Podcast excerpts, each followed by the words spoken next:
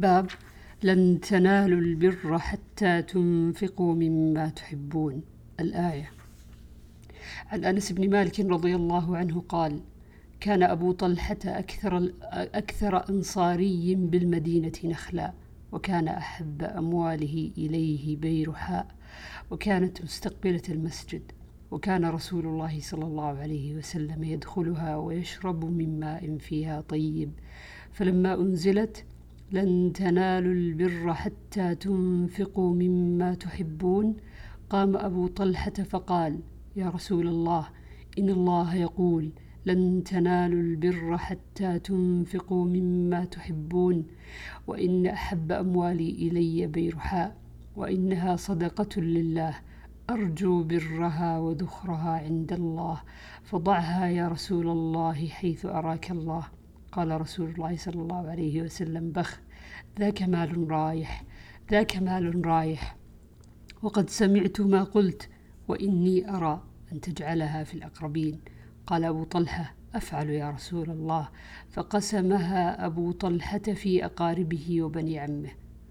وفي رواية ذلك مال رابح. عن أنس رضي الله عنه قال فجعلها لحسان وأبي وأنا أقرب إليه ولم يجعل لي منها شيئا. باب قل فأتوا بالتوراة فاتلوها إن كنتم صادقين. عن عبد الله بن عمر رضي الله عنهما أن اليهود جاءوا إلى النبي صلى الله عليه وسلم برجل منهم وامرأة قد زنيا فقال لهم كيف تفعلون بمن زنى منكم؟ قالوا نحممهما ونضربهما. فقال لا تجدون في التوراة الرجم. فقالوا لا نجد فيها شيئا. فقال لهم عبد الله بن سلام كذبتم فأتوا بالتوراة فأتوا بالتوراة فاتلوها إن كنتم صادقين. فوضع مدراس فوضع مدراسها الذي يدرسها منهم كفه على آية الرجم فطفق يقرأ ما دون يده وما وراءها ولا يقرأ آية الرجم. فنزع يده عن آية الرجم فقال ما هذه؟ فلما رأوا ذلك قالوا هي آية الرجم. فأمر بهما فرجما قريبا من حيث موضع من حيث موضع الجنائز عند المسجد.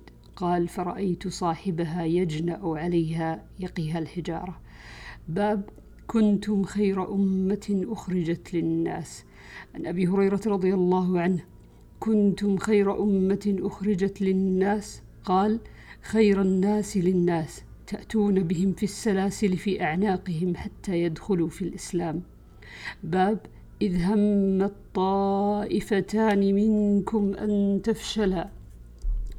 عن جابر بن عبد الله رضي الله عنهما قال فينا نزلت إذ هم الطائفتان منكم أن تفشلا والله وليهما.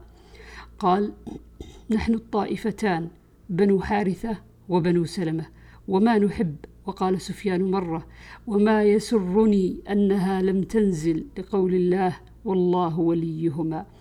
باب ليس لك من الأمر شيء. عن سالم عن أبيه أنه سمع رسول الله صلى الله عليه وسلم إذا رفع رأسه من الركوع في الركعة الآخرة من الفجر يقول اللهم لعن فلانا وفلانا وفلانا. بعدما يقول سمع الله لمن حمده. ربنا ولك الحمد فأنزل الله ليس لك من الأمر شيء. إلى قوله فإنهم ظالمون. عن أبي هريرة رضي الله عنه أن رسول الله صلى الله عليه وسلم كان إذا أراد أن يدعو على أحد أو يدعو لأحد قنت بعد الركوع فربما قال إذ قال سمع الله لمن حمده فربما قال إذا قال سمع الله لمن حمده اللهم ربنا لك الحمد. اللهم أنجي الوليد بن الوليد وسلمة بن هشام وعياش بن أبي ربيعة. اللهم اشدد وطأتك على مضر واجعلها سنين كسني يوسف يجهر بذلك.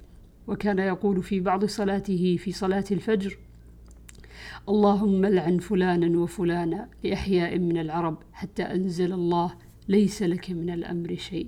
الآية. باب قوله تعالى والرسول يدعوكم في أخراكم. وهو تأنيث آخركم. وقال ابن عباس إحدى الحسنيين فتحا أو شهادة. عن البراء بن عازب رضي الله عنهما قال جعل النبي صلى الله عليه وسلم على الرجالة يوم أحد عبد الله بن جبير وأقبلوا منهزمين فذاك الذي فذاك إذ يدعوهم الرسول في أخراهم ولم يبق مع النبي صلى الله عليه وسلم غير اثني عشر رجلا. باب قوله أمنة نعاسا عن أنس أن أبا طلحة قال غشينا النعاس ونحن في مصافنا يوم أحد. قال فجعل سيفي يسقط من يدي وآخذه ويسقط وآخذه. باب قوله تعالى الذين استجابوا لله والرسول من بعد ما أصابهم القرح للذين أحسنوا منهم واتقوا أجر عظيم.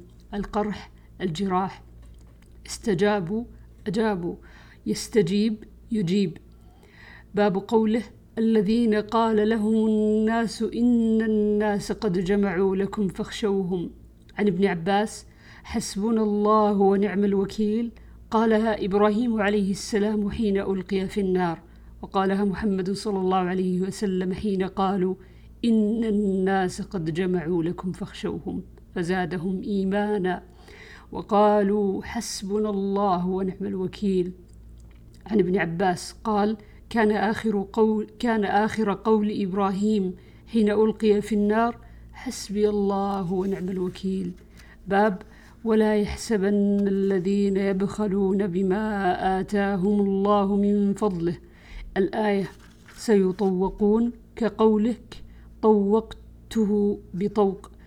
عن أبي هريرة قال قال رسول الله صلى الله عليه وسلم من آتاه الله مالا فلم يؤدي زكاته مثل له ماله شجاعا أقرع له زبيبتان يطوقه يوم القيامة يأخذ بلهزمتيه يعني بشدقيه يقول أنا مالك أنا كنزك. ثم تلا هذه الآية. ولا تحسبن الذين يبخل ولا يحسبن الذين يبخلون بما آتاهم الله من فضله إلى آخر الآية.